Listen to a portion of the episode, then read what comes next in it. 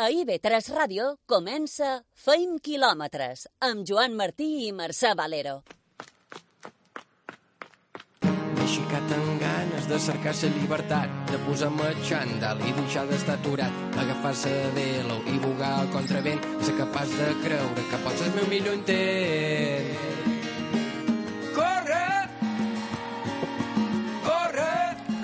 A vegades, el més extraordinari de tot és fer que les coses siguin normals. Però a vegades també, el més normal de tot és simplement meravellós.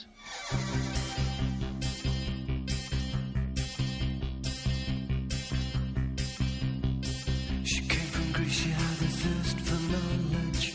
She studied sculpture at St. Martin's College, that's where I Farem quilòmetres amunt i avall i arreu del món amb Javier Ora i Fernando Chica, gent normal que fa coses meravelloses. Parlarem avui amb Asma Zamu, una jove normal i una atleta genial. Ahir ho va tornar a demostrar a la cursa de la Fita del Ram. People, I wanna do whatever common people do. Wanna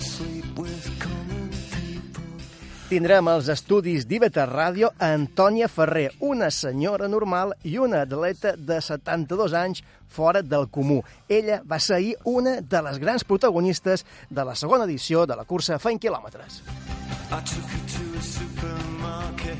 I a és normal i comú veure's afectat per l'osteoporosi a partir de certa edat. Ens ho explicarà Lucía Barca.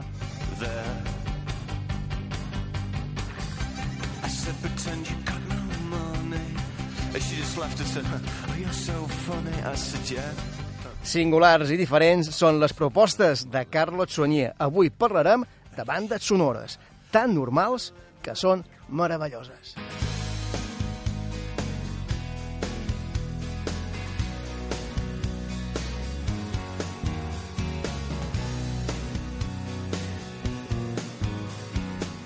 José Luis García Pujades i Sebastián Llabrés repeteixen victòria a la cursa Feint quilòmetres. Segona edició de la cursa i segona victòria de tots dos. José Luis va fer els 10 quilòmetres en 34 minuts i mig.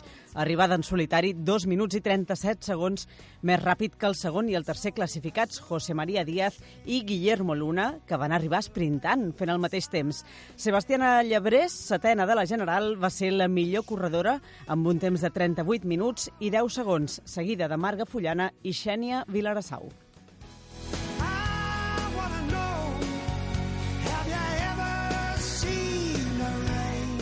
Perquè no va ploure i quin bon ambient que vam viure ahir a la cursa fent quilòmetres, Mercè. Sí, primer amb la cursa infantil i després amb aquesta de, dels adults. Entre uns i altres, 300 participants que van tenir sort de veure com el dia s'arreglava i sortia un bon sol. Tots ells van córrer amb sortida i arribada a la platja de Can Pere Antoni de Palma, just davant d'on vàrem fer nosaltres en directe una edició especial d'aquest programa de Fent Quilòmetres per retransmetre la cursa. I que avui ja comencem a preparar la tercera edició. Més coses, Alejandra Forcades i es... Alejandro Forcades i Asma Zamú guanyen a la Fita del Ram. Quinzena edició d'aquesta cursa que organitzen els Armacets d'Esporles i que forma part de la Copa Balear de Curses per Muntanya. 27 quilòmetres i 1.500 metres de desnivell positiu.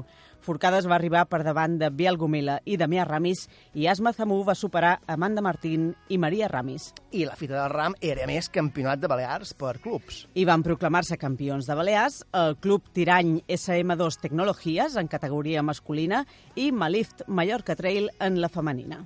També campionat de Balears de clubs, en aquest cas de duatló contra rellotge. Sí, amb victòria de l'equip Ferrer Hotels tant en categoria masculina com en la femenina. Ha estat un cap de setmana intens. A Fornells, mitja marató i 10 quilòmetres. Victòria de Rafael Quintana i Maria Pellicer en la sisena edició dels 21 quilòmetres amb més de 150 participants. I els 10 quilòmetres, els més ràpids van ser Manolo Ruz i Marga Gomila. També hi ha hagut la cursa Carles Sant Vicenç, Coves Blanques. Amb un centenar de participants i victòria per a Manel Garcia i Sílvia Grey. I tercer quart de marató, Cafè Can Tomeu. I els guanyadors Jonathan Gómez i Irene Portillo. Va, sortim fora ara, perquè també hem tingut èxits més enllà de, de les illes. Sí, Bel Calero lidera la Copa d'Espanya de curses per muntanya després d'acabar segona ahir a la cursa Garganta de los Infiernos, al Jerte, a Extremadura. Aquest resultat, sumat al quart lloc de la primera prova, a l'Aurín el Grande, fa que ara mateix Nabel Calero lideri la Copa d'Espanya. La propera prova serà dia 6 de maig a Tarragona.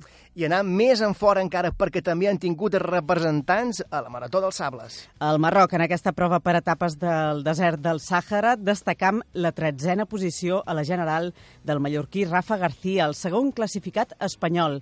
Ha estat el millor resultat, un resultat de molt de mèrit, d'entre tota la representació mallorquina, que inclou atletes que repeteixen, com per exemple Luis Paez i David Sánchez. La verdad que, que correr mola.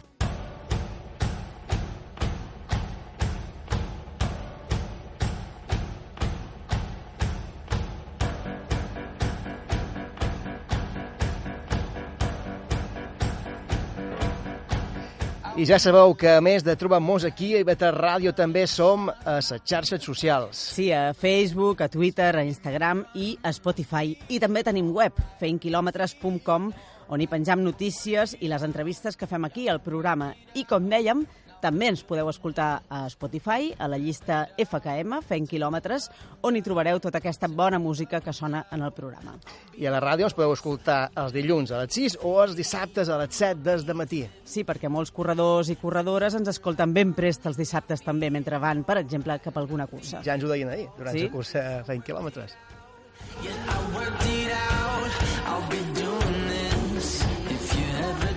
Tenim xip. Tenim xip. Visca fent quilòmetres! El xip de la setmana.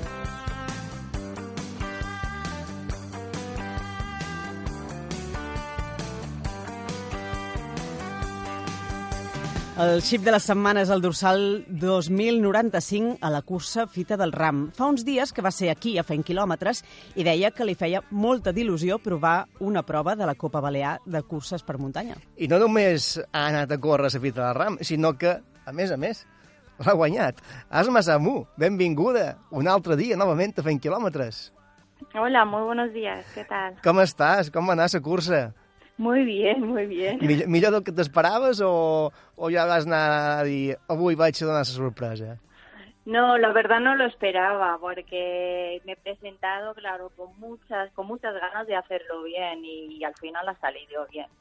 Va ser un temps de 2 hores 54 minuts i 56 segons, un minut més ràpida que la segona classificada, Amanda Martín. Uh, uh, va, ser, va ser disputada la cursa.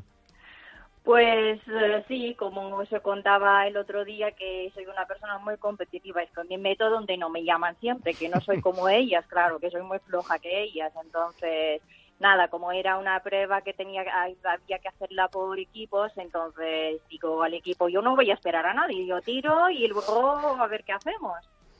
Entonces ha sido así, yo he, lidera- eh, ha ido liderando toda la carrera desde el principio y salido como mis salidas de siempre, que salgo muy rápido y digo, ya me cogerán, ya me cogerán las chicas y al final estaba girando detrás mirando y, y no encuentro ninguna, pues digo nada, pues me quedo yo con la carrera entonces. y, y la verdad me encontraba súper bien, tenía muchas ganas y me encontraba bien. Que bé. Escolta, tu competeixes cada cap de setmana a la Lliga Balear, ho fas amb èxit, ho guanyes gairebé tot, i ara has vist que també mm, pots estar entre les millors de la Copa. Què faràs ara? Canviaràs d'objectiu? No, no, la verdad que no. Yo no, la Copa por el momento no, porque no he empezado, no he hecho todas las carreras. Entonces, por el momento me voy a quedar con la liga y, y poco más. No sé, es que, no sé, estoy pensando también de hacer eh, la Mallorca 5000. Es que estoy pensando en muchas cosas. Entonces, es que no sé, no sé, no tengo nada seguro. Así que voy sobre la marcha. Escolta, i, i ara quina és la propera cursa? Ahora la próxima es la Yogares, que es el sábado. Y luego, pues, Poniente. Que també y forma part de la Lliga Balear, no? Sí, eh, sí, pues Poñet no es de la Copa, pero a, a ver hasta dónde aguantan las piernas, porque cada fin de semana una carrera. no, no, no ja ho deies l'altre dia, no te fa falta entrenar entre setmana gairebé.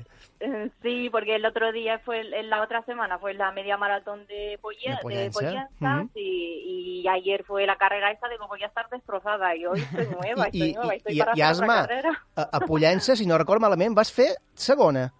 No, la tercera. Tercera. Iba, no, iba segura hasta el kilómetro 20 y al Oh. kilómetro 20 me ha cogido mi compañera. Ma- nada, me, no me encontraba bien al final y entonces Però he vas, quedado la tercera al final. vas, fer, vas sí. fer podi. Eh? Sí, sí, sí, sí. Molt bé, en qualsevol cas, un bon test ahir, aquesta primera experiència a la Copa. Sí, sí, la verdad yo no esperaba porque en la primera tenía miedo porque claro, yo las chicas de la copa me dan miedo, yo voy a meter donde no puede ser. Pero al final la salió bien, entonces ahora me atrevería, vamos, a competir en cualquiera, porque claro, si tú quieres algo lo puedes conseguir siempre. I tant. Enhorabona, Asma Samú, guanyadora dels 27 quilòmetres de la fita del RAM. Uh, enhorabona per aquesta cursa i gràcies per haver estat avui al xip de la setmana. Molta sort. Gracias a vosotros, muchas A tu, abraçada. hasta Adeu. luego, adiós, adiós. I ara anirem a parlar de salut, com sempre, amb Lucía Barca.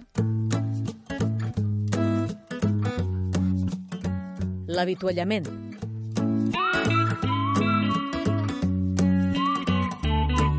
Obrim consulta, tenim ja Lucía Barca, fisioterapeuta, infermera esportiva i coach nutricional de Menorca Trainers.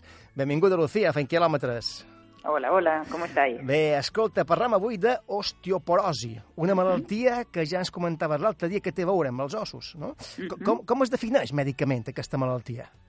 Pues mira, la osteoporosis es una enfermedad esquelética en la que se produce una disminución de la densidad de la masa del hueso. Así que los huesos se vuelven más porosos, aumentan el número y tamaño de cavidades o celdillas que existen en su interior, se vuelven más frágiles, por lo tanto resisten peor los golpes y se rompen con mayor facilidad. Sería como un queso de esos gruyere que tiene más agujeros, pues sería un buen símil para, para imaginarlo. I quins en són els símptomes? Mira, los síntomas eh, realmente, hasta que no hay una fractura, no, no da síntomas. De ello se, se denomina la epidemia silenciosa. Pues ya te digo, hasta, hasta que no hay esas fracturas que sobre todo se producen en las vértebras, caderas, a veces también en muñeca, no da sintomatología. I, i a qui pot afectar? Pues cualquier persona puede desarrollar osteoporosis, pero es más común y más frecuente en mujeres adultas mayores y los factores de riesgo incluyen envejecimiento, alteraciones hormonales y también hay que tener en cuenta factores genéticos. I quins factors eh, poden predispo predisposar la seva aparició? Fundamentalmente el estilo de vida sedentario, personas que, que se mueven poco, una dieta baja en calcio o personas que tienen como hábito el consumo de alcohol o consumo tabáquico. Estos son fundamentalmente los factores que predisponen su aparición.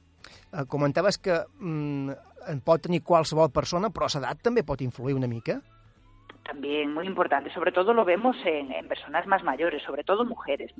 A partir de los 50 años es cuando, por ejemplo, en ginecología se piden muchas pruebas de imagen, gammagra- gammagrafía ósea, para ver el estado de los huesos. Y ya te digo, el 90% de los casos son mujeres de más de 50 años. I si la volem prevenir, com ho hem de fer? Para, para prevenir su aparición, pues Sí. mm, lo más importante, una dieta rica en lácteos, semillas y frutos secos, que a veces contienen incluso más calcio que la leche, pescado azul, frutas y verduras y sobre todo el tema de la vitamina D, que lo habréis oído hablar, ¿no? Que es fundamental para prevenir la osteoporosis, ya que facilita la absorción del calcio y, del fósforo, ayudando a la correcta calcificación de los huesos. Esto es lo más importante. Osteoporosi, una malaltia que pot afectar a qualsevol edat, però que podem fer eh, cosetes per, eh, per, per prevenir. Uh, Lucía, la setmana que ve de què, de què xerram? Pues si os parece, nos pasamos al interesante mundo de la fisioterapia y hablamos de la patología de, de menisco. ¿Hablamos de meniscopatías? ¿Os apetece? Meniscopatia, tipus de lesions que produeixen o que es produeixen a la zona de, del menisc. Uh, val, en sabem els motius i, i les causes, no? Ujú.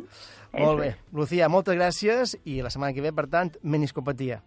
Muy bien. Adéu, Un abrazo a abraçada. Adéu, adéu. Adiós. Ara farem una aturada i tornem tot d'una. Zona d'avituallament. Tot d'una continua, feim quilòmetres. L'entrevista.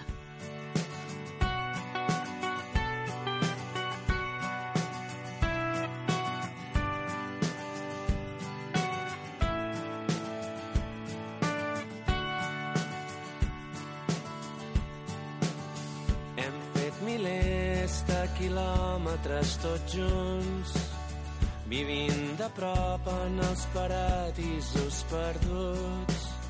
Durant tot l'any no ens cansem mai, amunt i avall.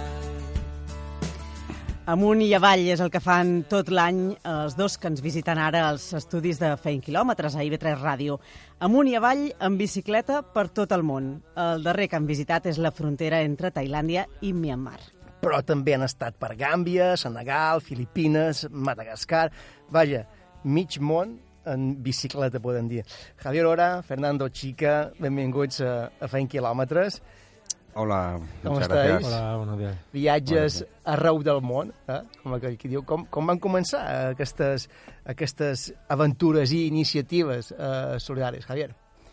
Eh, bueno, a los dos eh, nos gustaba mucho el deporte, la bicicleta. Y bueno, el primer viaje que hicimos juntos, aunque yo había hecho, había estado en otros países, fuimos al norte de India a conocer a una hijada que tenía yo allí, en India. Y siempre tenía ilusión por, por encontrarla. Entonces, bueno, pues decidimos coger la bici y, y irnos allí. Recorrer el país, estuvimos dos meses y llegar al pequeño pueblecito donde estaba esta niña que había padrinado desde que nació y en ese momento era el año 2004 ella tenía eh, 15 años. Y bueno fu- fue un viaje muy bonito. Conocimos India y llegamos a este pueblecito nos encontramos con la niña con la hijada y fue un momento la verdad que mm, que siempre recordaré con mucho cariño. Y de ahí pues empezaron muchos más viajes después. I aquest ja el vau fer en bicicleta.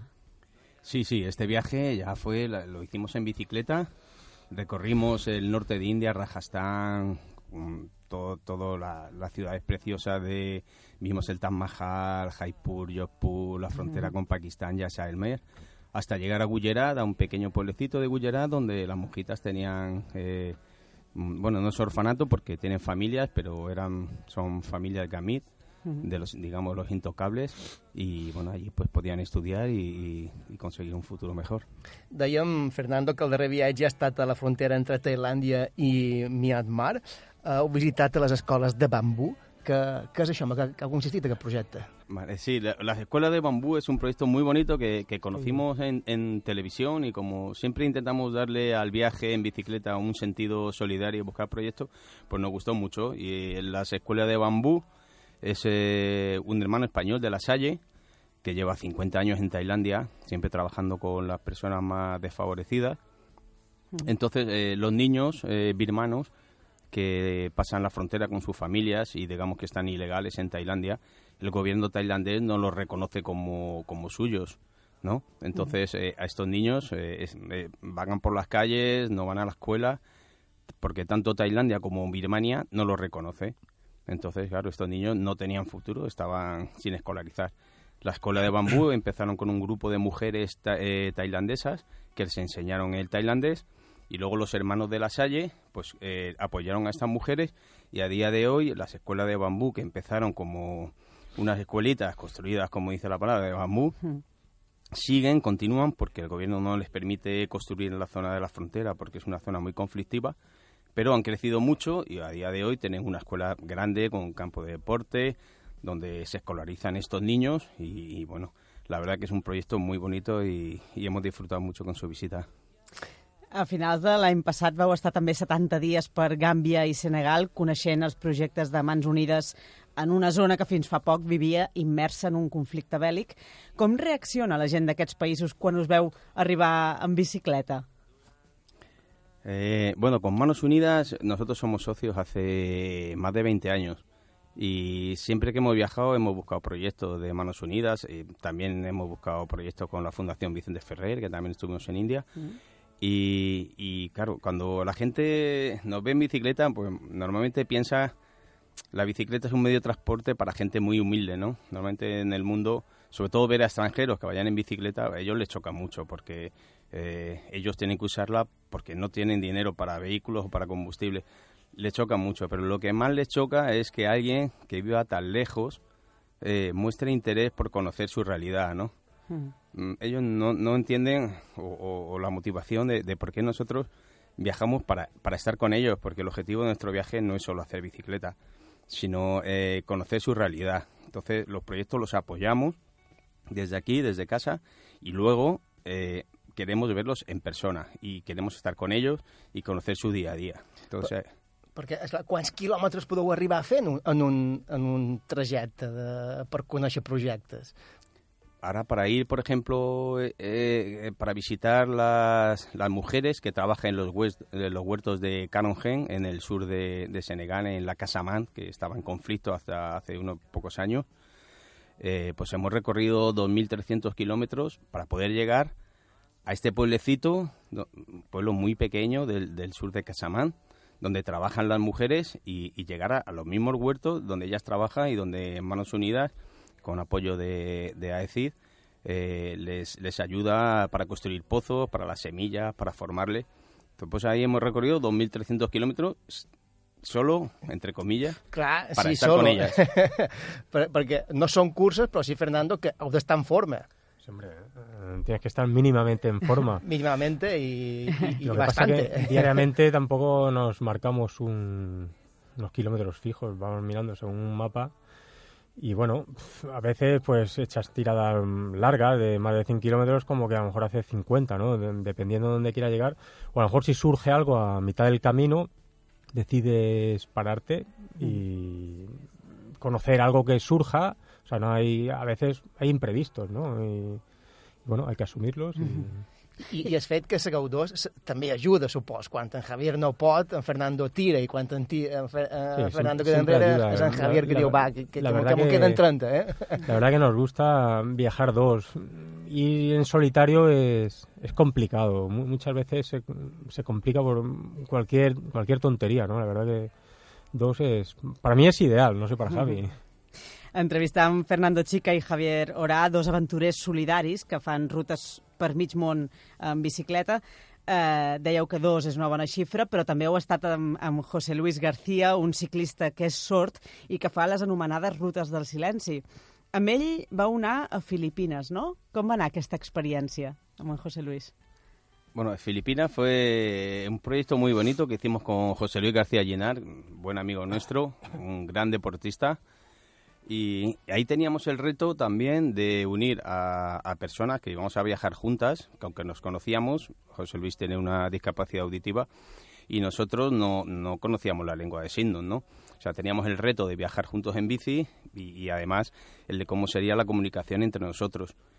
Pero la verdad que durante el viaje, que fuimos cuatro amigos, eh, tres oyentes y José Luis, y al final la verdad que no tuvimos ningún problema de comunicación de ningún tipo. Eh, de hecho, luego hemos aprendido algo de eh, lengua de signos y, lo que más eh, nos sorprendía a nosotros es cómo, la, cómo José Luis se podía comunicar cuando llegábamos a las escuelas de, de, niños sordos por Filipinas, como los niños, en cuanto le veían a él, vamos, eh, tenían una comunicación, aunque el la lengua de signos varía en- según los países, pero entre ellos tenían una comunicación fluida que nosotros, claro, no podíamos comunicarnos, o sea, que nosotros teníamos cierta envidia porque él, él ahí, mm, claro, lo tenía mucho más fácil que nosotros y, y disfrutamos mucho. En aquest cas era Filipines. Quin és el país o el projecte que més us ha impactat? Eh? Javier. Mm, bueno, la verdad que cada proyecto tiene su... mm, No sé, no, no, no sabría decir eh, qué proyecto en concreto, ¿no? Porque hemos disfrutado mucho en India, en, en Senegal, en Madagascar también. El, padre Pedro que trabaja con todas las personas que vivían en el basurero. Hemos estado con- eh, conviviendo con ellos, niños que trabajaban en el basurero, que no iban a la escuela, que no tenían sanidad. Y allí se ha logrado construir varios pueblos donde la gente tiene trabajo, donde los niños van a la escuela. Eh, son proyectos preciosos. eh, son muchos países. En Camboya hemos estado también eh, con los niños heridos por las minas antipersonas, porque Camboya es un país que continúa las minas de la guerra, minas puestas por todos los países, por, Rusia, por China, por todos los países que, que combatieron ese conflicto, sembraron el país de minas, sobre todo en la zona de, de. Y ahí hay un obispo español que trabaja con los niños heridos por las minas antipersonas. Y estos niños que, no, que en sus pueblos, en, en sus pequeñas aldeas, estaban abandonados en, en, en- en sus casitas, pues eh, bueno, estos niños se les recoge, empiezan a ir a la escuela, se les empieza a curar, eh, pre- aprenden idiomas, hacen, eh, hacen deporte y, y verles ir al cole con sus sillas de ruedas eh, o en bicicleta que uno conduce porque tiene brazo y el que no tiene piernas para atrás, y- es impresionante la, la capacidad que tienen y cómo, cómo cambian la vida los proyectos, vale la pena apoyarlos porque cambian vidas, sí. Y, Ah. y ver eso es para nosotros mm, lo que lo más gratificante de un viaje en bicicleta. Quan, quan us veuen arribar amb, en la bicicleta, comentaves ara que la bicicleta és un dels transports més humils que hi ha, però no sé amb quin tipus de bicicleta aneu, aneu, aneu vosaltres. Quan us veuen arribar, us demanen les bicicletes també, us diuen, deixeu-les aquí, que aquestes ens agraden més. No sé, la verdad que Sí, les llama mucho porque en estos países mm, no hay este tipo de bicicletas. Lo que pasa, por ejemplo, en India ya Javi, eh, el primer viaje que hicimos juntos, ya dejó en una leprosería su bicicleta, la regaló al acabar el Ajá. viaje y la verdad para ellos fue una ilusión, ¿no? Y luego en Gambia, eh, cuando el año pasado, cuando acabamos nuestro viaje, también dejamos nuestras bicicletas de montaña eran en una escuela de, de sordos, de niños sordos, para que las pudieran emplear los que vivieran bueno, lejos, los que vivieran lejos de la escuela. Y la verdad que para ellos es una ilusión que tú les hagas estos regalos porque es, es difícil. Ellos a lo mejor para tener una bicicleta es algo imposible. Incluso encontramos algunos niños que tenían una y yo les preguntaba, ¿y esto cómo es que vosotros la tenéis? Y otros no, dicen, no, no, yo pago un, lo que sería un euro a- al mes para poder tener esa bicicleta. O sea que son unos afortunados algunos por tener la familia Claro. un euro Para la bicicleta. para poder ir al- a la escuela, porque el resto iba caminando, caminando Mm. y, y kilómetros. I ara on teniu centrat el focus d'atenció per al pròxim projecte, el pròxim objectiu? Bueno, proyectos siempre hay, siempre hay en mente. Nos falta tiempo a veces y ganas también tenemos, aunque los años van a, vamos cumpliendo años y nos cuesta un poco más, pero la ilusión siempre siempre está ahí y siempre, no sé, nosotros es ver eh, un proyecto que nos toca la fibra, digamos, y decir, bueno, pues hay que ir a verlo, hay que colaborar desde aquí y, hay que tenemos que ir a visitarlo. Muchos, eh, comentamos a veces, nos gustaría también hacer la ruta que hizo eh, Fray Junípero Serra, fundando todas las misiones en la Alta California. Es un proyecto que nos gustaría, nos gustaría ir a Tierra Santa, muchas cosas. Idees no s'acaben, eh? Idees no s'acaben.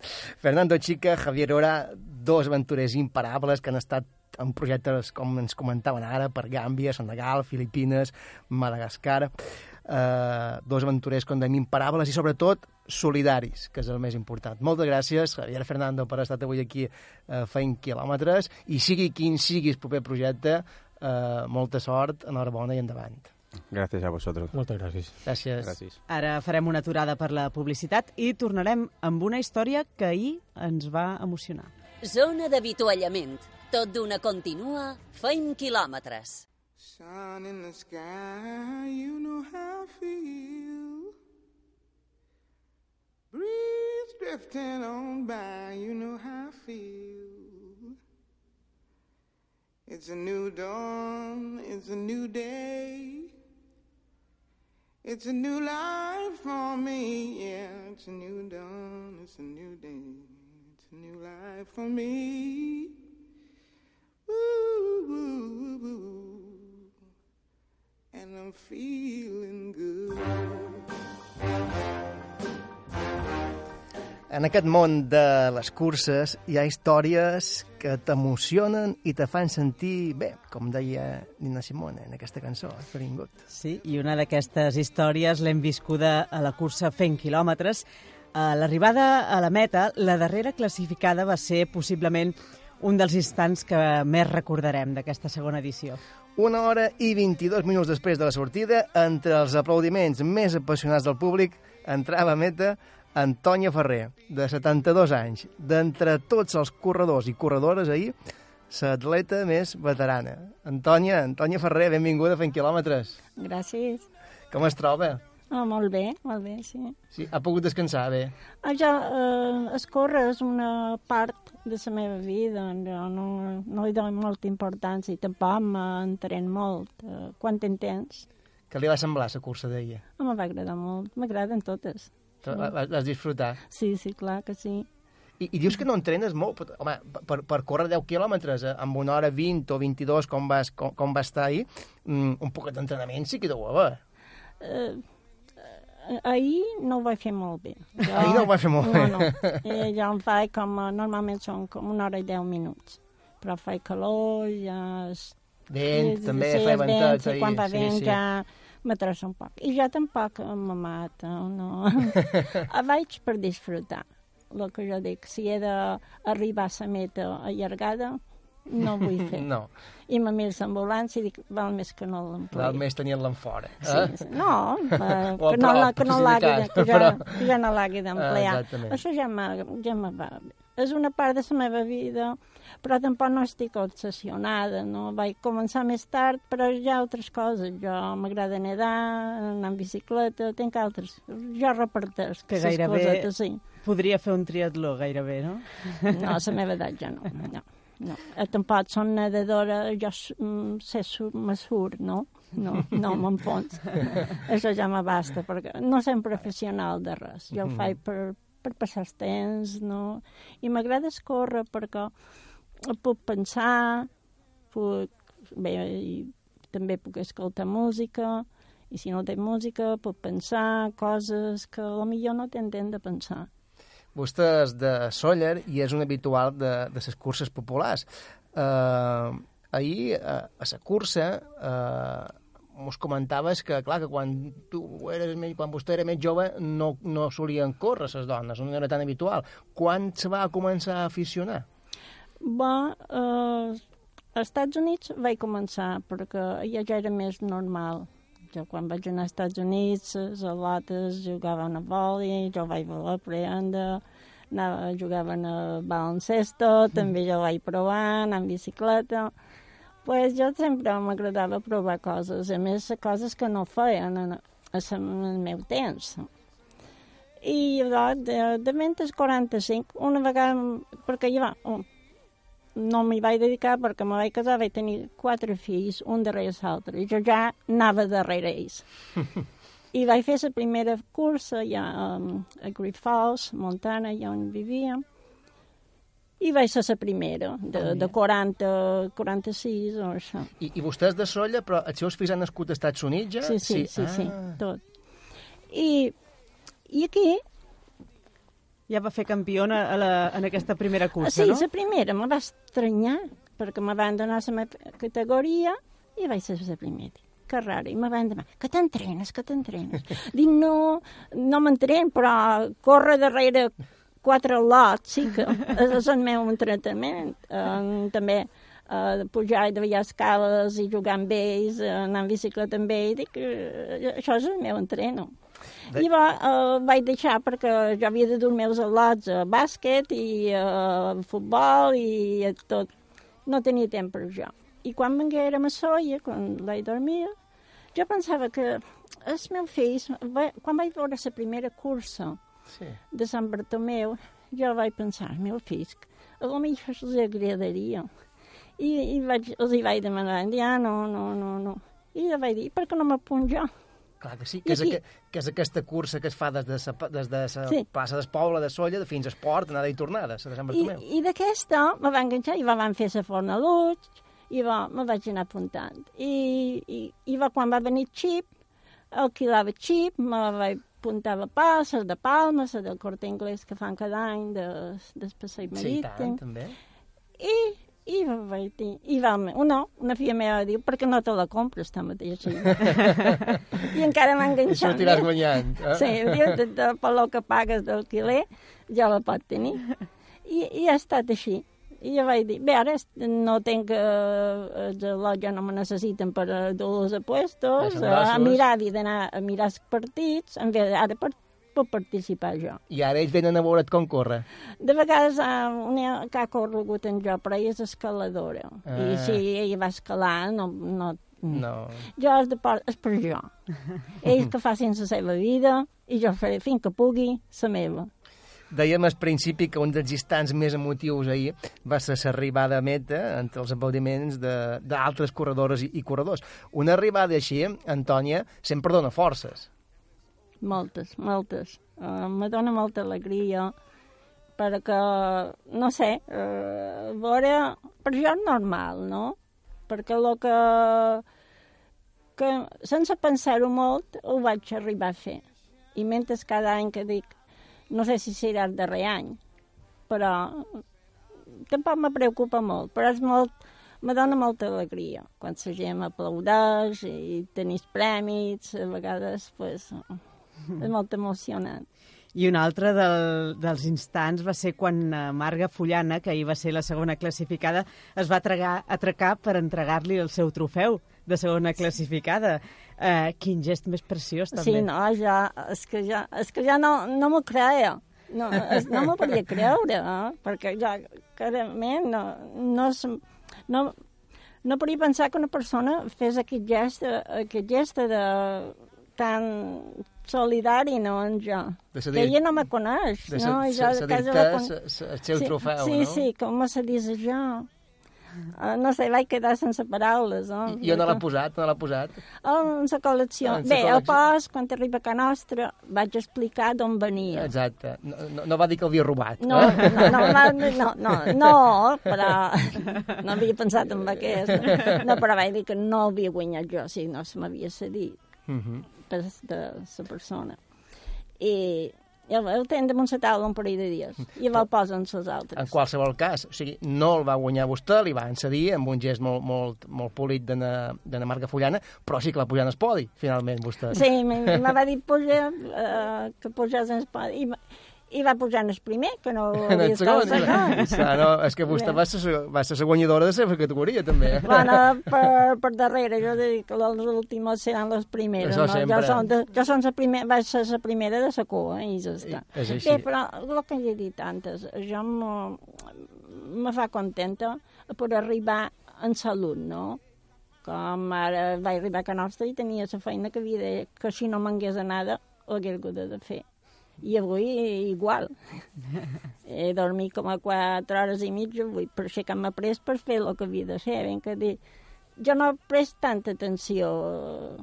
L'important és tenir salut i poder fer aquestes coses després, Sí, no? Que... sí. I jo, que, per exemple, m'ajuda, eh, també això me dona més coratge a seguir, que si tinc mal és que en això me'n vaig a córrer menys i me fuig. Mhm. I ja està. M'ajuda, crec, m'ajuda. No sé, psicològic o què és. Sem ja ho diuen, que més sempre és moviment que no quedar aturat, Sí. perquè el cos necessita moviment, aturat Sí. s'atrofia. Sí. Eh? I jo el que m'agrada és anar a solles en el barranc.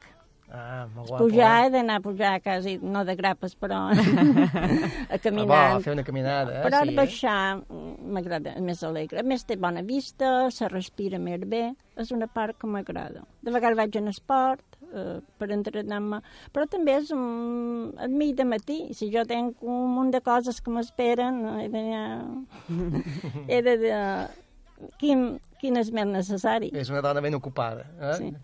I vostè segueix un calendari, un calendari de curses o segons la setmana va veient si li ve de gust? bueno, hi ha un calendari, mm. -hmm. el té xic, el té, i vaig a mirar quines que jo, per no les filles hagin de deixar, perquè jo no condueix ja ni tenc cotxe, que, hagin, que no m'hi hagin de dur i perdre el que ells han de fer, pues, jo miro, és que me puc, en transport públic, és que hi puc arribar a puesto, i ja està.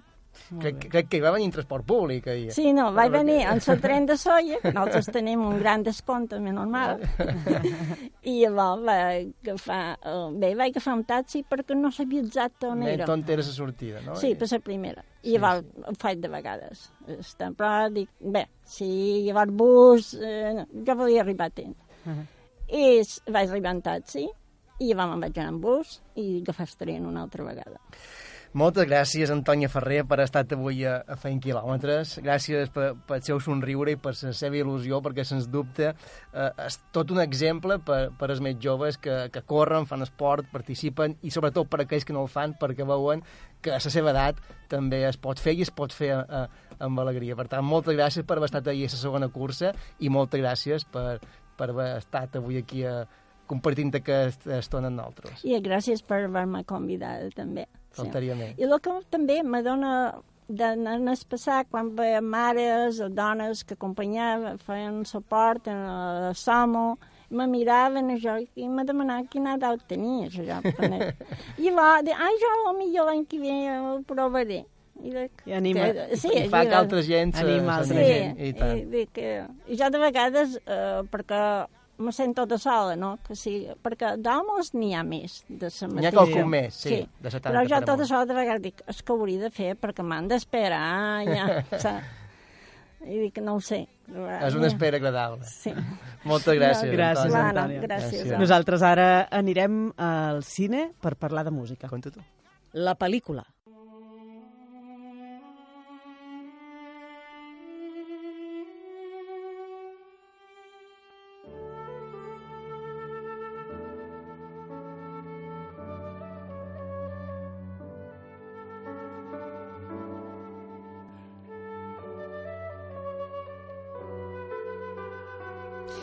Això que esteu sentint, potser alguns l'haureu reconeguda, és la banda sonora d'una pel·lícula, perquè avui parlarem d'això, de bandes sonores, o més ben dit, de compositors de bandes sonores que han fet composicions ideals per córrer. Mira que és enrebaçat, això. Eh? Sí. O el manco aquesta opinió de Carlos Sunyer. A veure què en penseu vosaltres. Carlos Sunyer, professor, alpinista i cinèfil, benvingut. Fent quilòmetres. Moltes Un gràcies. dilluns més. Un dilluns més. Dius que per sortir a córrer és millor escoltar peces que no estiguin massa vinculades a pel·lícules i personatges que són icones del cinema, com per exemple... Mira, com per exemple, anem a veure, les pel·lis que són més icòniques, eh, malgrat la música sempre, sempre, sempre és profitosa i un ho gaudeix perquè, perquè té un nivell altíssim de, de qualitat, si pensam en John Williams, és a dir, Star Wars, Tiburon, Superman, Indiana Jones, Harry Potter, algunes d'en Jerry Goldsmith, per exemple, com Rambo, Star Trek, te les pot posar, però eh, profanen la introversió del corredor. Perquè, clar, tu corres amb en Indiana Jones de vora. Segur. O, I te sents, Indiana Jones. Eh, no, jo, Eh? eh? jo crec que el notes més a ell de Sí. vora, o notes cebolla, en quals- qualsevol cas, t'abstreu, ja no pots fer aquest viatge interior tan interessant que sempre em dic que es pot fer quan un cor o sentim l'atac imminent de, del tauró, no? És, és, no és recomanable, és a dir, és, és, és, hi, ha, hi ha composicions eh, precioses, de fet, si, si, si en Beethoven estigués viu, jo crec que faria bandes sonores, perquè en el cinema hi ha compositors que tenen l'oportunitat de, de, de dur a terme una creativitat musical que és, eh, de, eh, que és ancestral, que no té res a veure en l'època que vivim a vegades però no, no, no ho relacionem amb NT eh, o amb aquesta gent, perquè si no, no sortirem d'un altre ràpid. Aquesta que estem escoltant és la suite principal de la pel·lícula La Missió, és d'Ennio Morricone. I què té d'especial per a tu aquesta composició, Carlos? Bueno, aquesta, eh, aquesta composició de la missió eh, de Morricone, que és, eh, té una versatilitat compositiva magnífica. Jo això ho puc comprovar des de les pel·lis amb en Sergio Leone, com altres, com jo que sé, Cinema Paradiso, Los Intocables, La Cosa, es nota aquest, aquesta manera que té, sembla fàcil de tocar la fibra, sa fibra sensible. De fet, jo he de dir que és el primer disc de vinil que vaig tenir en la meva vida, la banda sonora de la missió. Jo tenia, jo tenia 13 o 14 anys i amb els primers doberets que mon pare va dir que ja te va comprar el primer disc perquè tinc un tocadisc que ja que, que, que un desastre, que no funcionava bé i m'ho vaig comprar la banda sonora de missió. Per tant, jo me fa viatjar, és a dir, que juc, juc a, al meu terreny, eh? Però, clar, si un està corrent amb aquesta música, amb aquesta intro operística que ja ha passat, però que seria bo començar quan eh, les primeres passes, eh, va directe a ses, a ses emocions, no? I més, passa a vegades... Ara està en un moment, això que estem escoltant de fons, que és, que és de, de flauta, que és més, més suau, però té moments de percussió tribal i d'instruments de vent enllaçats en, en coros que són celestials, no? I aquesta fragància quasi monàstica protegeix el corredor de factors extens. És una música que clarament beneix l'esforç quan un ho està practicant.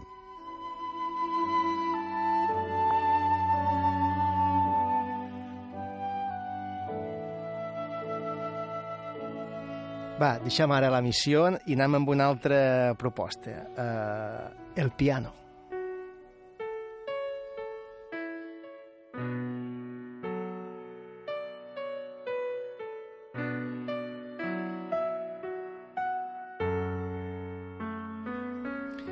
Quin compositor parlem ara, Carlos? I, I com es diu aquesta peça musical per qui vulguin ràpidament cercar... El compositor és Michael Nyman, que és un grandíssim compositor de, de bandes sonores. Això és The Heart Ask Pleasure First, de, de la pel·li El piano de l'any 93, que és una joia de pel·lícula de Jane Campion, que és una canadenca que, jo crec que va fer un diamant aïllat, perquè després la resta de la filmografia no és equiparable en aquesta pel·lícula, que és bellesa pura. I en Nyman, igual que va fer Gataka o Man of Wire o, o altres pel·lícules on ell recorreix fàcil a un estil minimalista i poètic, eh, ens, ens deixa peces com aquesta. Eh, Les altres des, des també estan molt bé. Un pot escoltar el disc sencer, jo ho he fet, eh, corrent, i, i és magnífic, perquè són com és com una pluja de notes de piano que van com a girant, no? i eh, girant a més en espiral amb la sensació de que van envoltant eh, en el corredor, Està, estan pròximes.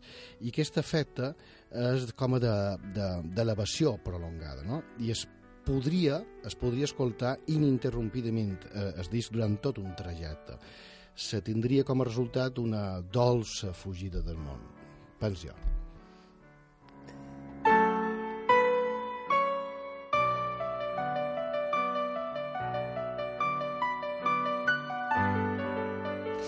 Va, i tercera proposta, per ubicar els oients, diré que és de la pel·lícula Desafío Total, però crec que més d'un la coneixerà també per una altra cosa.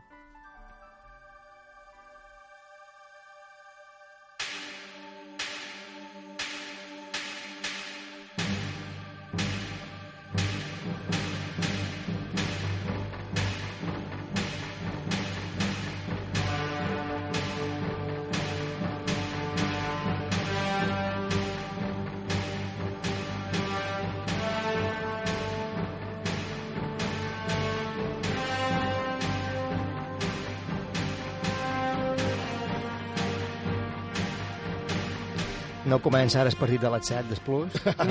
No comença. Uh...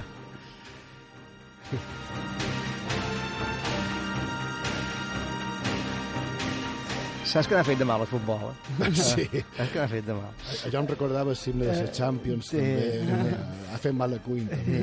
Aquesta composició a molts m'ho sonarà per això, no per partits de futbol, des Plus, sobretot, però com dèiem, és la pel·lícula Desafío Total i es titula The Dream.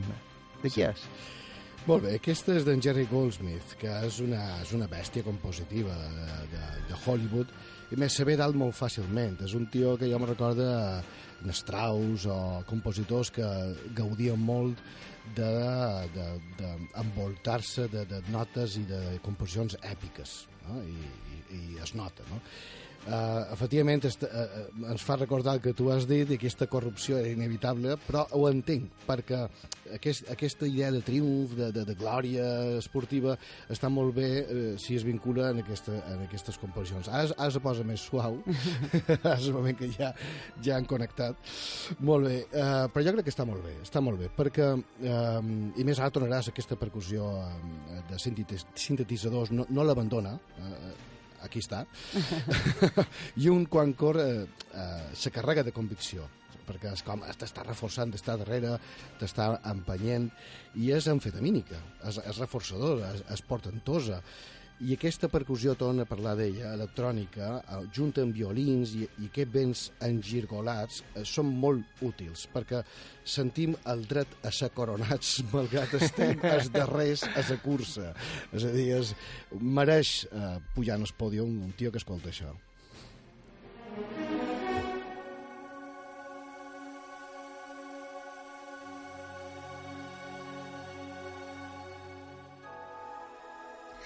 I acabarem amb un mestre de les bandes sonores, un clàssic, Hans Zimmer.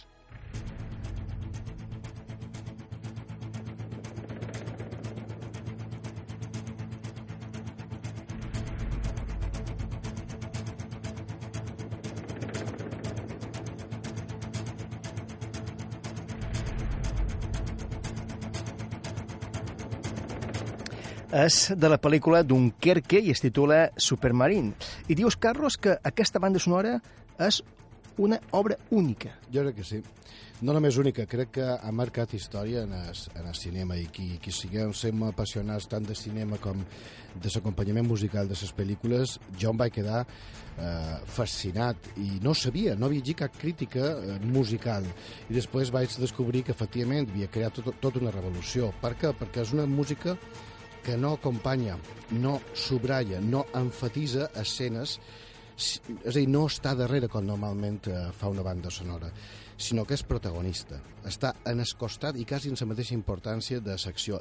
Diria fins i tot que en moltíssimes escenes d'aquesta pel·lícula, que amb un muntatge molt revolucionari també, és secció qui, la que depèn de la música no només de la música, també de sons, perquè ell, que és, és, un, és, un geni envoltat de sintetitzadors, eh, crea uns ritmes mecànics, unes fusions acústiques de sons junt amb la música que fan que nosaltres estiguem atrapats. És a dir, a vegades no tenim molt clar què està passant en aquesta batalla aèria i, i també de, de, de, de, de vaixells, però amb l'efecte de sons, en, en tota aquesta, aquesta um, envoltall de música um, mecànica, quasi de rellotge, aquest tic-tac de fons que a vegades se va accelerant durant la pel·lícula, se t'està ficant de dins i tu estàs visquent aquesta tensió d'increixendo malgrat no acabis d'entendre què està passant a nivell visual. Això, per això jo crec que ha fet història, no? és una obra mestra, és, és història del món cinema sense cap dubte i és eh, a més, ara anem al que toca, que corrent a, a sobre eh, te produeix un dinamisme d'absoluta convicció. Eh, hi ha com una consagració de tu mateix, perquè a més va, va, va augmentant el ritme, superarà l'habitual, això ja vos ho dic, eh, hi haurà una energia incombustible, que esteu quasi obligats, eh, estareu sedats, però el corredor sent créixer petites glòries fent quilòmetres.